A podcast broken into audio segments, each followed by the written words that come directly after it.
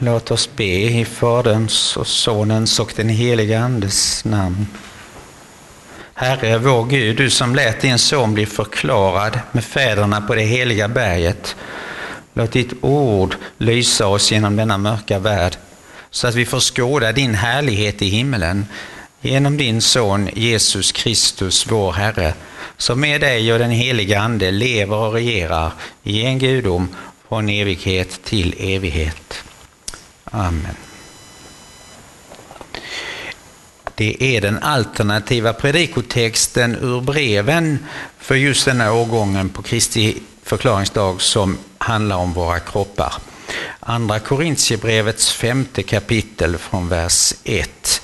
Aposteln Paulus skriver Vi vet att om vårt jordiska tält rivs ner så har vi en byggnad från Gud, en boning som inte är gjord med händer. En evig boning i himlen. Så länge vi bor i detta tält suckar vi därför och längtar att få ikläda oss vår himmelska boning. Till när vi är klädda i den ska vi inte stå där nakna. Ja, vi som bor i detta tält suckar tungt. Vi vill inte bli avklädda, utan överklädda, för att det som är dödligt ska bli uppslukat av livet. Och den som har berett oss för detta är Gud som har gett oss anden som en handpenning. Vi är därför alltid vid gott mod, fastän vi vet att vi är borta från Herren så länge vi är hemma i kroppen. Till vi lever här i tro utan att se. Men vi är ändå vid gott mod och skulle hellre vilja flytta bort från kroppen och vara hemma hos Herren.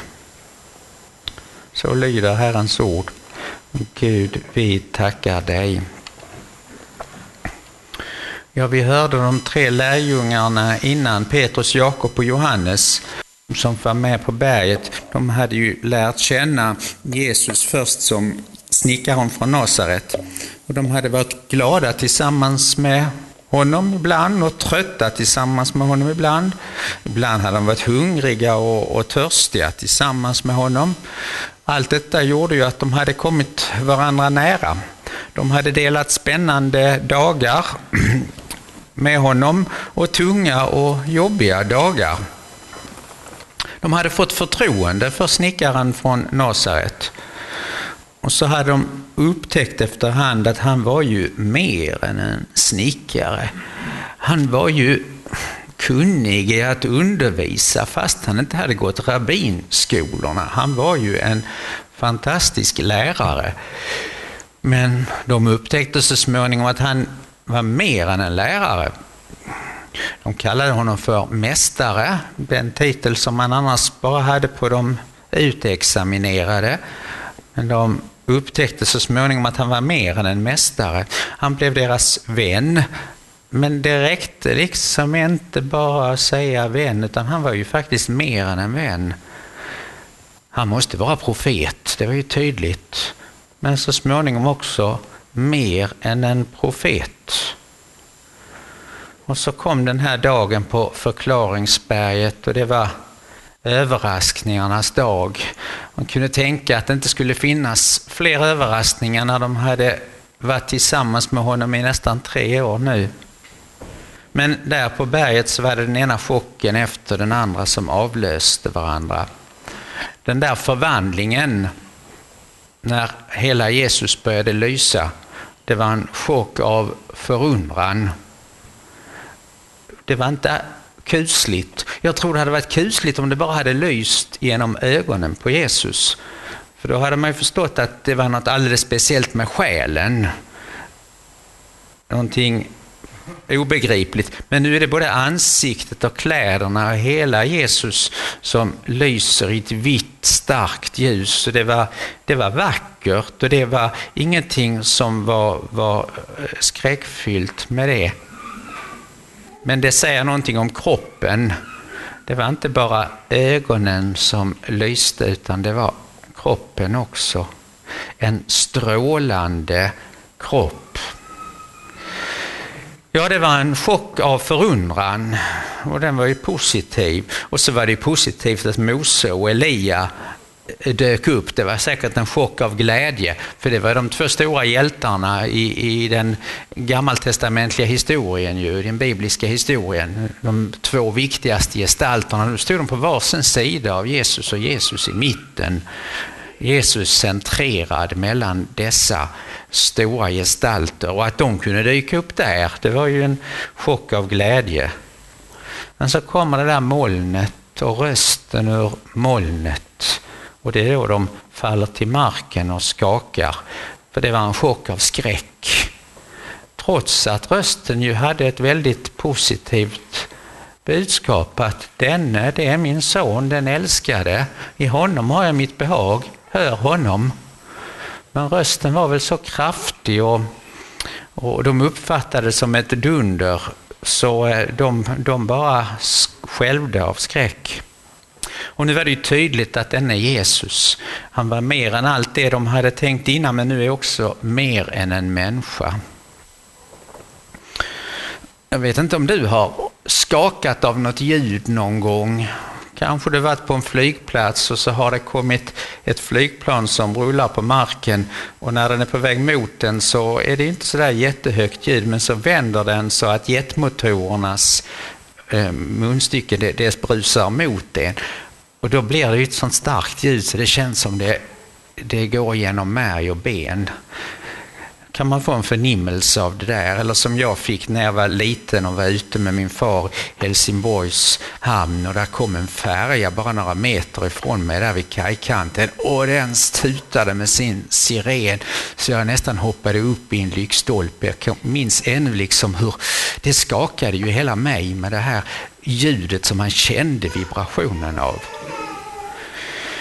Ehm, men det är skillnad på att höra talas om Gud och att möta Gud. Man kan till och med ha vant sig vid att prata om den närvarande som om han var frånvarande. Men så är han nu närvarande. Att plötsligt befinna sig i närkontakt med den levande, fruktansvärde, allsmäktige Herren själv, honom inför vilken alla dödliga och allt skapat måste skaka i sin litenhet och ofullkomlighet och bräcklighet. Om inte förr så blir man i det ögonblicket smärtsamt medveten om att man är en syndare. Att det är så mycket i mig som inte passar ihop med, med Gud. Och att det betyder katastrof för en syndare att stå inför den som kräver fullkomlig renhet och syndfrihet. Då eh, känner man sig lurad av de där stormötena man kanske har varit på där budskapet har varit att det är bra med Gud. Nu vet man, det är inte alls bra med Gud. Det är livsfarligt med Gud. Eh, det var den här rösten som fick hjärtat att hoppa upp i halsgropen och paniken att slå klorna i dem och som skulle drivit dem att fly långt bort om det hade funnits någonstans att fly när man är uppe på en bergstopp. Men det finns ju ingenstans att fly då. Så när lärjungarna hörde detta då kastade de sig ner med ansiktet mot marken och greps av stor skräck. Men då hörde vi så tröstande. Jesus gick fram och rörde vid dem och sa Stig upp och var inte rädda. Om de inte tidigare hade förstått vad man ska ha Jesus till så borde de ju förstå det nu. När han talar så vänligt, så milt, så tröstande. Jesus är en försvarare. Han är en försvarare mot vreden, han ska kort stund efter detta låta Guds vrede stå ner i honom när han hänger på korset. Jesus är en försvarare mot straffet, för han ska själv ta på sig följderna av alla människors alla synder, själv ta straffet i deras ställe. Jesus rörde vid dem där på berget. Det betyder, jag tar hand om er. Jag ansvarar för er. Ni behöver inte vara rädda. Jag är ju hos er. Det är inte farligt att bli avslöjad när Jesus är nära.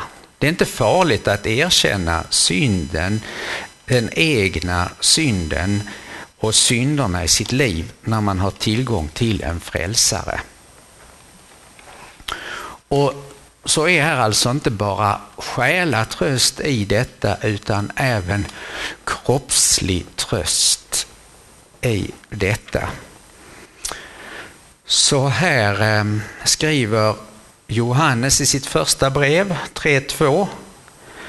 Mina älskade, vi är nu Guds barn och vad vi ska bli är ännu inte uppenbarat.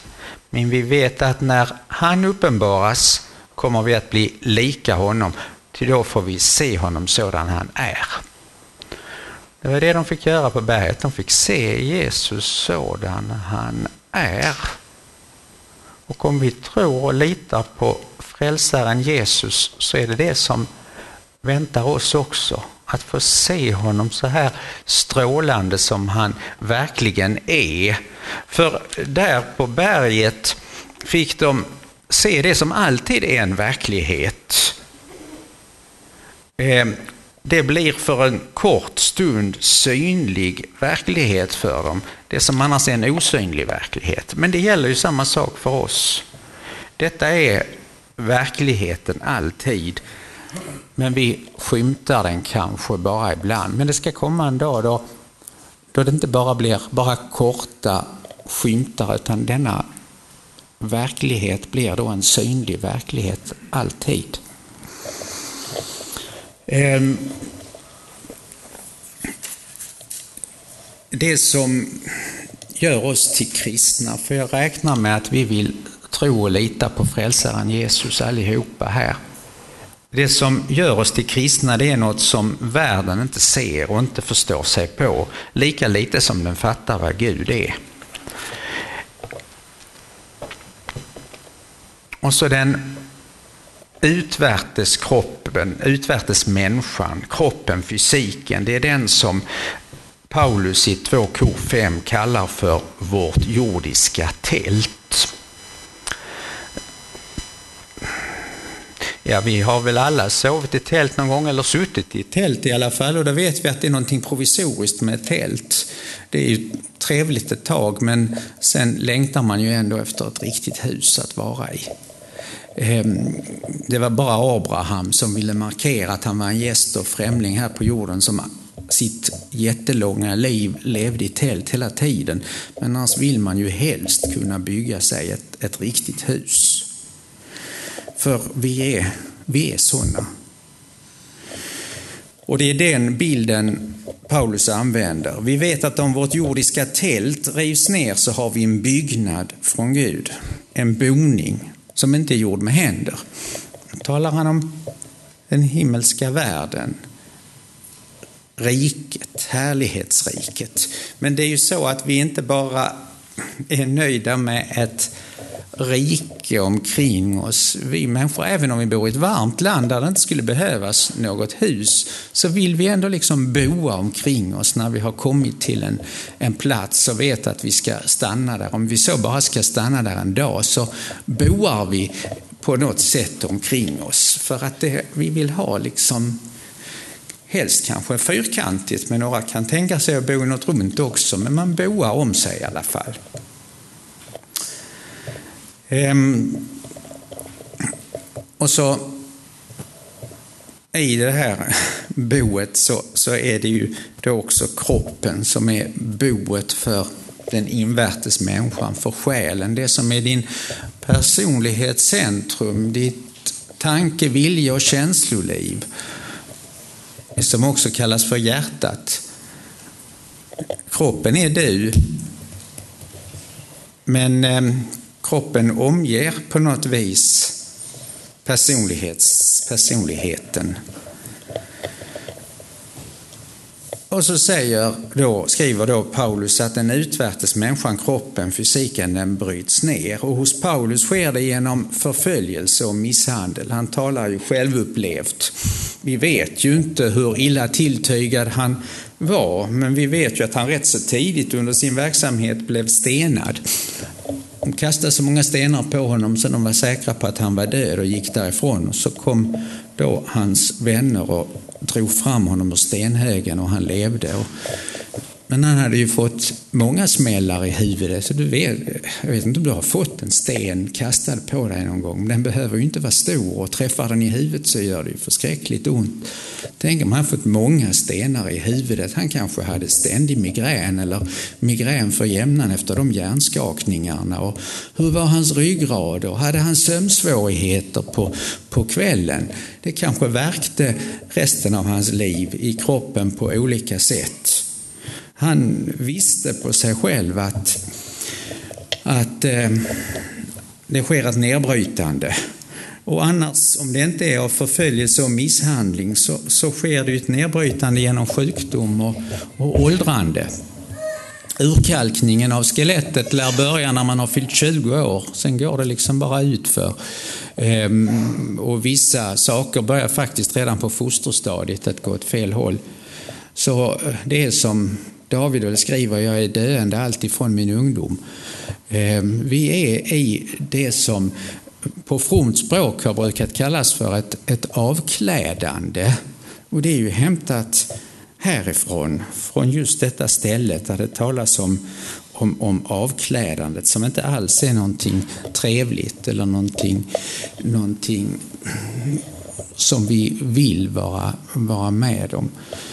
Ehm, och så innebär det ju att den invärtes människan, eller att den utvärtes människan bryts ner. Och så slutar till slut de kroppsliga funktioner, andning och hjärta som är alldeles nödvändiga. Och det här vet vi ju så väl. Ni känner det ju och jag märker ju nu att här är tomt efter Olle, att han inte är här och inte kan önska någon sång efter predikan. Ehm, men alltså vi har ju fått då se ett avklädande och vi har fler vänner här som inte är här idag som just nu är under ett avklädande. Så stod det ju i årsberättelserna för när det var någon som hade lämnat oss så stod det att den sista tiden blev ett avklädandes tid. Det var en svår tid. Det var ju både kroppen och, och de själsliga krafterna som, som bröts ner. Men här är alltså något positivt och ett glatt budskap som Paulus vill, vill räcka oss. Att den som genom tron lever i gemenskap med Kristus har också en invärtes människa. Och det är ju Paulus uttryck i Kristus, den som är i Kristus. Och denna invärtes människa, den förnyas dag för dag. Hör du det, du som litar på Jesus, att på insidan så blir du yngre och yngre dag för dag. Eh, utsidan blir äldre och äldre för var dag, men på insidan så sker en föryngring. Eh, och det här är ju någonting som inte syns, utan det är ju någonting som vi får lita och tro på. Eh, för vi lever här inte i åskådning utan i tro, hette det förr. Här hette det ju eh, vi lever här i tro utan att se. Det betyder att Paulus tunga lidanden väger inte tungt, säger han. Lidandet förbereder en härlighet som mångfaldigt uppväger allt vad vi nu kan lida. Hade det varit någon annan än Paulus som sa det här till mig så hade jag bett honom att hålla tyst. Jag hade nog använt rätt grova ord. För det är så... Det är liksom känns det lätt att säga till andra att de ska vara glada mitt under nedbrytandet. Men eh, eftersom det är självupplevt och det är Paulus som, som skriver det så blir det någonting annat. Det är, det är så här han själv har det. Han säger att lidandet väger inte tungt för honom. För han jämför det med den härligheten som detta förbereder. Ja, idag får vi med vår inre blick se det som kommer. Det är osynligt men verkligt.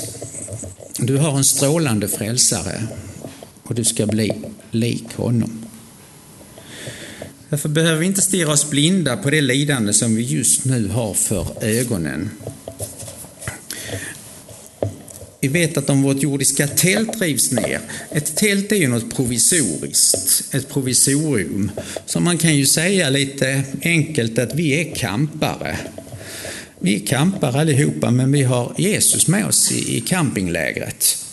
Ehm, och under den korta campingtiden vill vi leva så att vi gör Jesus glad.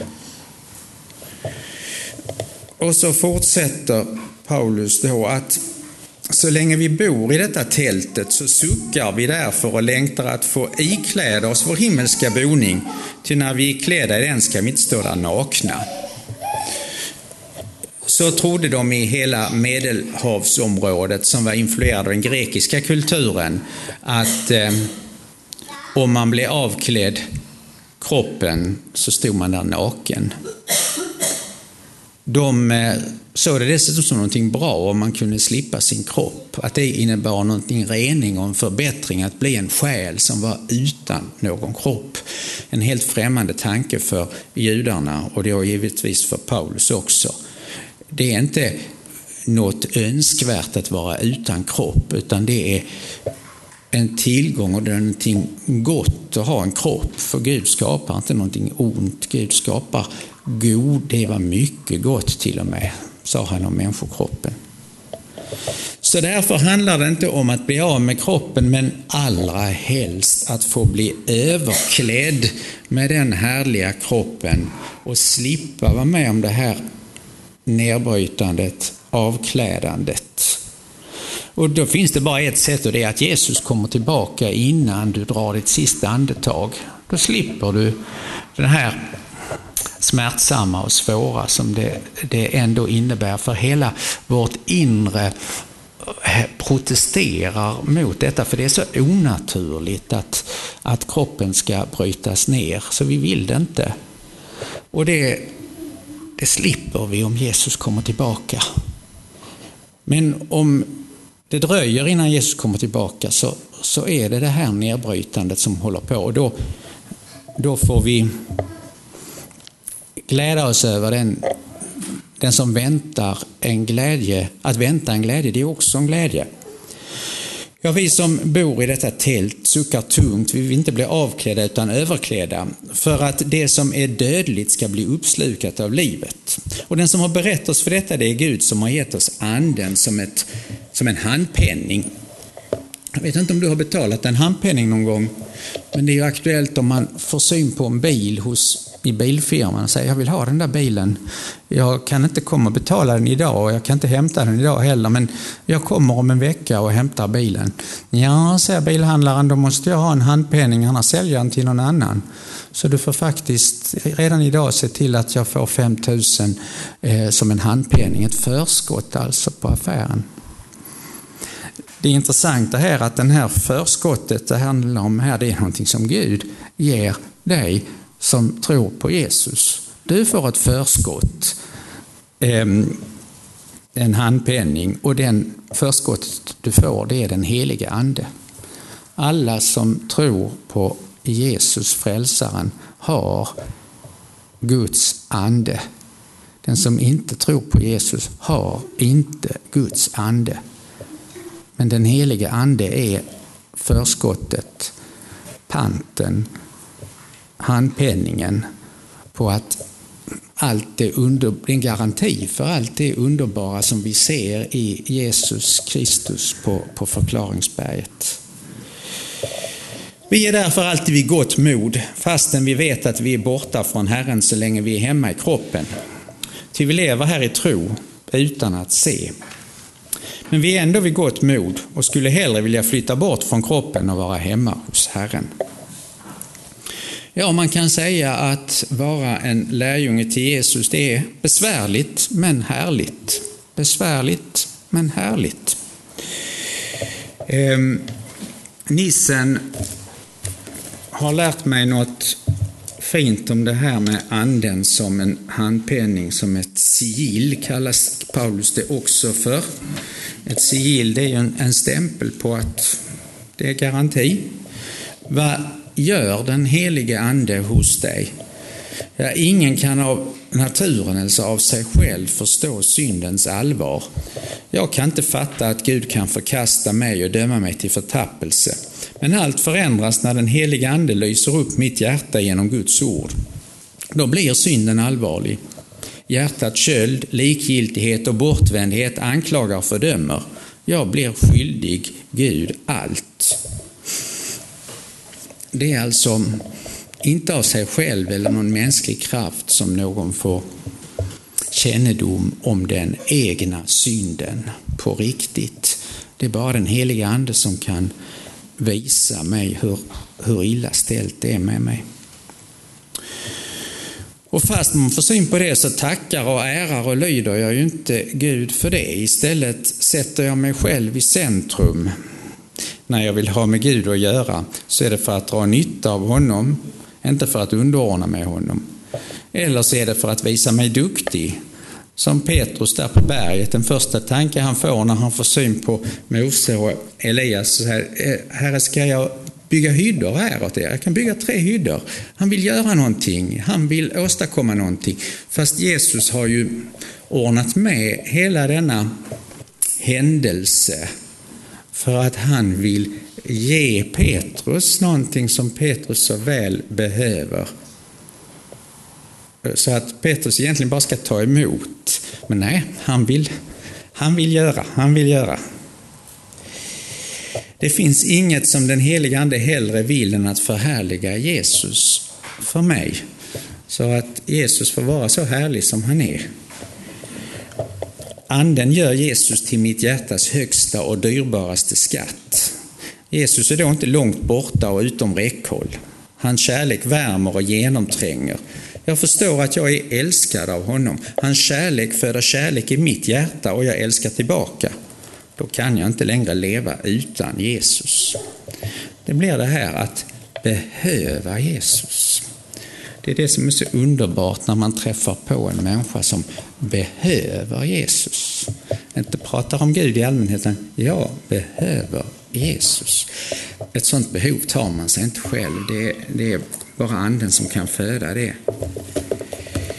Ja, eh, Rosenius har också lärt mig någonting att eh, vi vandrar i tro utan att se. Att det alltså är ett övningsämne det här. Att eh, tro på det verklighet som är osynlig. En osynlig verklighet.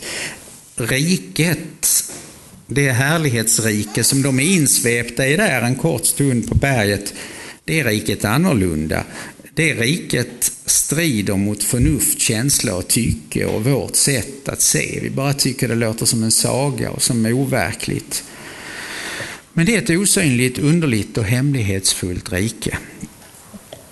Och sån som Jesus är, sån är också vi mitt i denna världen, skriver Johannes också i sitt första brev. Hurdana är vi i denna världen och hurdan är Jesus i denna världen? I Jesus var de största motsatser förenade, påstår Rosenius. I Jesus fanns den största förnedring och samtidigt den största upphöjelse. I Jesus fanns den största syndamängd. Det var nämligen all världens syndamängd fanns i Jesus. Och där fanns den största helighet. Det var hans egen helighet. Där fanns den största smälek, alltså vanheder och skam i Jesus. Och där fanns den största ära på en och samma gång. I samma kropp som kanske vägde max 60 kilo. För de var inte så långa på den tiden. Eh, sån han är, sån är också vi, mitt i denna världen. De största motsatser finns förenade i en kristen. Den djupaste förnedring. En kristen är en fördömd syndare i sig själv. Den största upphöjelse och ära. Guds barn jag är. Vem kan säga något sånt? Guds barn jag är. Där finns den största synd och den största rättfärdighet och renhet den största fattigdom och den största rikedom, den största svaghet och den största starkhet. Det ena har vi oss själva, det andra är Kristus. Det ena är arvet från Adam, det andra är arvet från Kristus. Det kostar på att tro vad som inte känns, att tro den nåd och rättfärdighet som är dold då vi endast ser och känner motsatsen. Det finns en frestelse på den här dagen för alla förkunnare, man vill ju gärna ha ett eh, gillande och en bekräftelse från människor som lyssnar. Och då gäller det ju att tänka, det gäller att säga någonting nu som, som alla kan tycka om. Och då pratar man om människans förklaringsstunder så tycker de, ja, jag kände mig berörd, ja, det stämde, det var en fin predikan. Men det är också en frestelse för lyssnare idag att, eh, att eh, man eh, sitter och tänker på sina förklaringsstunder istället för att tänka på Kristi förklaring. Ehm, det finns ingen mänsklig förklaring utan Kristi förklaring. För Jesus Kristus är människan framför alla andra människor. Och det gäller också ditt förhållande till kulturlivet i alla dess former. Kultur kan vara någonting väldigt bra. Ehm, man ska inte brännmärka kultur och ha ett kulturellt liv. För kulturen kan hjälpa mig att komma på på vilket sätt jag är människa, på vilket sätt jag vill vara människa och på vilket sätt jag inte kan vara människa. Se begränsningar och sånt. Men kultur Yttringar utan Kristus kan på sin höjd visa dig människans begränsning och inte människans möjlighet. Här ska vi göra ett undantag för god klassisk musik. Den verkar vara en klass för sig där det, det är någonting så gott med, med den goda musiken så den, den är svårt att hitta något, något skadligt i. Lyssna gärna på god klassisk musik. Men annars gäller det att kulturyttringar utan Kristus kan på sin höjd visa dig dina begränsningar och inte dina möjligheter. I värsta fall blir kulturen mänsklig fördunkling istället för mänsklig förklaring. Har du upptäckt att det finns sån kultur som leder till mänsklig fördunkling istället för mänsklig förklaring? Detta beror på att man föser Jesus Kristus till sidan eller ger honom ett begränsat värde eller ett nollvärde till och med. Det värsta man kan utsätta Jesus för det är likgiltighet och det är den vanligaste behandling som han får. Den värsta skada som detta leder till det är urholkandet av människovärdet, konstigt nog. Detta gäller även kristna predikningar. De måste vara kristocentriska. Det betyder ha Kristus i centrum. Om Kristus fördunklas, så fördunklas människan. Detsamma gäller om den så kallade humanismen. För det vet du väl att vi måste ju vara humana. Från början kom den från kristna sammanhang. Från början hade den kristna humanismen Jesus i centrum. Men en humanism med människan i centrum blir djupt inhuman, omänsklig, konstigt nog. Och till slut blir konsekvenserna förfärliga. Men du som Lita på Jesus, du slipper ha nutidens favorittankar i centrum. Du slipper ha dig själv i centrum och du slipper ha din bräckliga kropp i centrum. Du har en strålande frälsare. Han är din kropps frälsare och din själs frälsare. Amen. Låt oss eh, stå upp och eh, bekänna detta. Jag brukar sluta med kroppens uppståndelse och ett evigt liv. Vi tror på Gud Fader allsmäktig, himmelens och jordens skapare. Vi tror också på Jesus Kristus, hans enfödde Son, vår Herre, vilken är avlad av den helige Ande, född av jungfrun Maria, pinad under Pontius Pilatus, korsfäst, död och begraven, nederstigen till dödsriket och tredje dagen uppstånden igen ifrån de döda, uppstigen till himmelen, sittande på allsmäktig Gud Faders högra sida, därifrån igenkommande till att döma levande och döda. Vi tror också på den helige Ande, en helig allmännelig kyrka, det heligas samfund, syndernas förlåtelse, kroppens uppståndelse och ett evigt liv. Tack Herre Jesus för att vi denna stund har fått för vår inre blick ana hur strålande du är, att vi har en strålande frälsare till kropp och till själ. Låt det som alltid en verklighet stå för vår inre blick när vi nu börjar en ny vecka. Hjälp oss att måndag, tisdag, onsdag och så vidare tänka på dig, vår strålande frälsare. Räcka, sträcka oss mot dig och, och vänta efter vår förklaring och våra kroppars förhärligande. Vi ber det för oss själva, för våra nära, för våra kära, för våra arbetskamrater, för våra skolkamrater, för våra grannar och alla vi tyst nämner inför dig och ber som du själv lärt oss. Fader vår som är i himmelen. Helgat var det ditt namn. Tillkomme ditt rike. Ske din vilja så som i himmelen så och på jorden. Vårt dagliga bröd giv oss idag och förlåt oss våra skulder så som och vi förlåta dem oss skyldiga är och inled oss inte i frestelse, utan fräls oss ifrån ondo. Till riket är ditt, och makten och härligheten i evighet. Amen. Vår Herres Jesu Kristi nåd, Faderns kärlek och den helige Andes gemenskap vara med er alla. Amen.